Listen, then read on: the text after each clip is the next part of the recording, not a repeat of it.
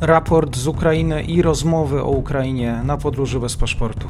Dzień dobry wszystkim słuchaczom. Dzisiaj po raz pierwszy na kanale mam przyjemność gościć e, Kuba Benetyczaka, dziennikarza, który zajmuje się Rosją i sprawami międzynarodowymi. Można go słuchać i w radiu m.in. 357 i e, współpracuje z Nową Europą Wschodnią. Dzień dobry. Dzień dobry. Całkiem niedawno, 9 maja, mogliśmy obserwować całą szachownicę władzy na Kremlu i obrazki, twarze. Myślę, że nie, nie jednemu słuchaczowi, ktoś, kto obserwował to, co się działo e, na Placu Czerwonym. E, dzisiaj kolejny odcinek z cyklu tych, którym przybliżamy osoby bliskie właśnie władzom na Kremlu. Generał Aleksander Wasiliewicz Bortnikow, szef Federacji Służby Bezpieczeństwa, to już pan w dosyć w podeszłym wieku i chyba związany z kręgami władzy od dawien dawna. Pan w podeszłym zeszłym wieku, 15 listopada tego roku skończy lat 71 i tak, jest związany z kręgami bardzo, bardzo długo. To znaczy, jest to typowy człowiek służb. On, y, bym powiedział, że przy tej władzy bardziej służy niż jest we władzy. Dlatego, że e, to jest jeden już z niewielu, których się, który się ostał przy Władimirze Putinie spośród tych, którzy znają go od lat 70. Czyli to jest jeden z tych kumpli, którzy jako młodzi chłopcy, faceci, zaczynali karierę w KGB, tam poznawali się na różnych szkoleniach i podczas gdy już tacy ludzie jak na przykład Michał Fratkow, były szef wywiadu, Wiktor Iwanow, były szef e, antyterrorystów, czy też komitetu, który zwalczał antyterroryzm, czy Siergiej Iwanow, kiedyś typowany na następcę Putina, oni po, po, prostu wszyscy wypadli z gry. Ci, którzy się poznawali w latach 70., został tylko Bortnikow, Patruszew i, i Naryszki. Także ja bym powiedział o Bortnikowie, że on bardziej służy przy władzy, bo to jest typowy człowiek służb, niż ten, który jest władzą. Mhm. Tak lawirował wiele lat. Jak to się stało, że się unosił na tej wodzie? To jest ciekawa osobowość, w tym sensie, że on zawsze był służbistą, nie miał szczególnych ambicji, na przykład, żeby wyjechać za granicę, podczas gdy właśnie tacy ludzie jak Putin i wielu innych uczyli się języków i przełożeni wskazywali na tych, którzy powinni wyjechać za granicę tych, którzy powinni szpiegować, bo mają do tego predyspozycje intelektualne. On raczej szpiegował, wsadzał do więzienia, przesłuchiwał swoich, czyli obywateli Związku Radzieckiego. Natomiast wydaje mi się, że on sobie znalazł taką bardzo lukratywną niszę już pod koniec lat 80., a zwłaszcza na przełomie lat 80., 90., kiedy nastąpił upadek Związku Radzieckiego, czyli on się zajmował działalnością kontrwywiadowczą w gospodarce. Te wszystkie teorie o tym, że KGB wykreowało Putina jako przyszłego prezydenta, to jest bzdura, dlatego że KGB znajdowało się wtedy w rozkładzie i biografia Bortnikowa bardzo dobrze to pokazuje, bo właściwie wtedy KGB znajdowało się w rozkładzie, poparło pucz Janajewa, ten z 91 roku, który jakoby miał ratować ZSRR Okazało się, że KGB w to zamieszane no, było zupełnie nieefektywne, a nieefektywne było dlatego, że już wtedy wielu oficerów znajdowało się na pograniczu przestępczości biznesu. Wielu y, oficerów służb KGB albo już przystępowało do przyszłych oligarchów, którzy tworzyli swoje biznesy, tworząc ich ochronę, albo po prostu przystępowało do zwykłych gangsterów tworzących mafię albo zostawała w KGB, ale biorąc łapówki. I teraz mamy tutaj Bortnikowa, który zajmował się działalnością gospodarczą i on najprawdopodobniej, no bo tego nie wiemy z oficjalnych źródeł, ale najprawdopodobniej właśnie w tej działalności gospodarczej, dzikiej prywatyzacji lat 90. jako oficer KGB, on się wkomponowywał i lawirował między jednymi i drugimi, Kontrolował powstałe fir, powsta, firmy, które wtedy powstawały, ale oczywiście kontrolował również organizacje przestępcze. Wtedy to się bardzo mocno zlewało ze sobą i on na, tym, na tej fali się unosił. Biorąc pod uwagę to całe doświadczenie, kiedy Putin został szefem następczyni KGB, czyli FSB,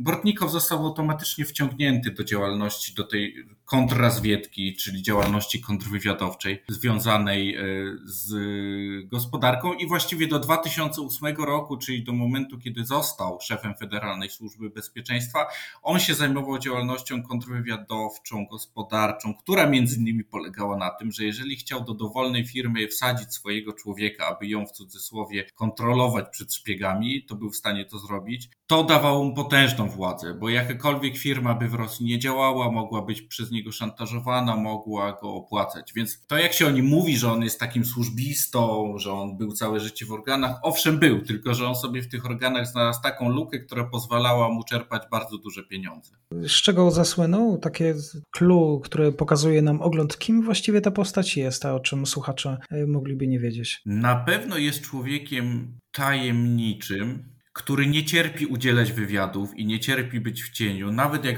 robi te swoje pokazuchy z Władimirem Putinem, to on jemu odpowiada bardzo, bardzo formalnie i e, bardzo chłodno. Te jego dwa komponenty, czyli służby i gospodarka, są bardzo ważne. On również skorzystał z tego, że FSB stało się takim lewiatanem, to znaczy potwornie, potworem wręcz, rozbudowaną strukturą ponad miarę, która wciągała w ciągu jego panowania, czyli 14 lat przewodzenia FSB, która wciągała w siebie różne sfery. E, I w związku z tym FSB zaczęło robić za jego panowania coś, czego do tej pory nie robiło, czyli zajęło się działalnością zagraniczną, czyli kontrolowało granice, kontrolowało przemyt narkotykami. W związku z czym takie rzeczy, jak na przykład próba otrucia Aleksandra Litwinienki, który umierał przez tydzień na oczach całego świata, czy inne zamachy w Europie, część była organizowana przez wywiad wojskowy Gieru, ale część była organizowana przez FSB. W związku z czym niektóre spektakularne y, zamachy, które my znamy z telewizji, z gazet, z internetu, to są właśnie organizowane przez jego służbę. Tak jest. E, miły pan, e, co wiemy o jego życiu prywatnym? Nic, albo prawie nic. Wiemy, że ma Mercedesa, podobno stylowego, że ma żonę, to znaczy jest jednym z tych, którzy w przeciwieństwie do Putina i innych się nie rozwiedli, a chociaż pewnie jak większość e, tej wierchuszki 70-letniej ma jedną albo ze trzy kochanki, bo to jest niejako standard mieć 30 e, kilka lat młodszą kochankę. I ma syna, który znajduje się w zarządzie dużego rosyjskiego banku WTB i który jest raczej człowiekiem biznesu niż człowiekiem służb. Koniec, kropka. Niewiele więcej wiemy o tym człowieku, bo jego biografia jest y, wyczyszczona. Być może, chociaż to już jest takie z pogranicza życia prywatnego, a pewnej predyspozycji psychomentalnej, y, wiemy z wywiadu 2018 roku, który udzielił y, komersantowi, to była rocznica, setna rocznica powstania Czeka, którą założył Felix Dzierżyński że on jest przeciwny takiemu rozliczaniu służb, albo przynajmniej oficjalnie jest przeciwny rozliczaniu służb z okresu stalinowskiego. To znaczy uważa, że duża część tych przesłuchań, które nam mrożą krew w żyłach z wyrywaniem paznokci, wymuszaniem zeznań, przyznawania się do tego, że się było japońskim szpiegiem i tak dalej, i tak.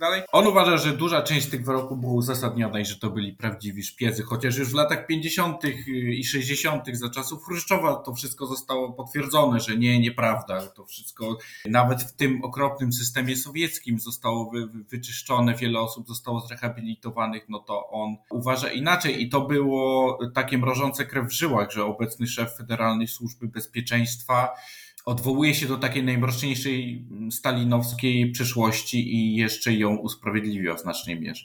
Czekuba Benedyczak e, wierzy w to, że on może być tą, tym następcą, o czym pisały media, ale też jak im wierzyć dziennikarzom, tym doniesieniom. Chcę krzyknąć intuicyjnie, nie, nie, na pewno nie, to nie ten format człowieka, bo być może jest inteligentny, ale jednocześnie bardzo ograniczony intelektualnie. Ograniczony w tym sensie, że to raczej jest człowiek bez specjalnej inicjatywy i, i wizji. Zresztą to dobrze widać yy, po tym, jak on zajmuje się gospodarką, ale właśnie on ma taką wizję spatologizowanej gospodarki. On, on by, on by nie, nie, nie wpadł na pomysł, jak, jak zmodernizować Rosję.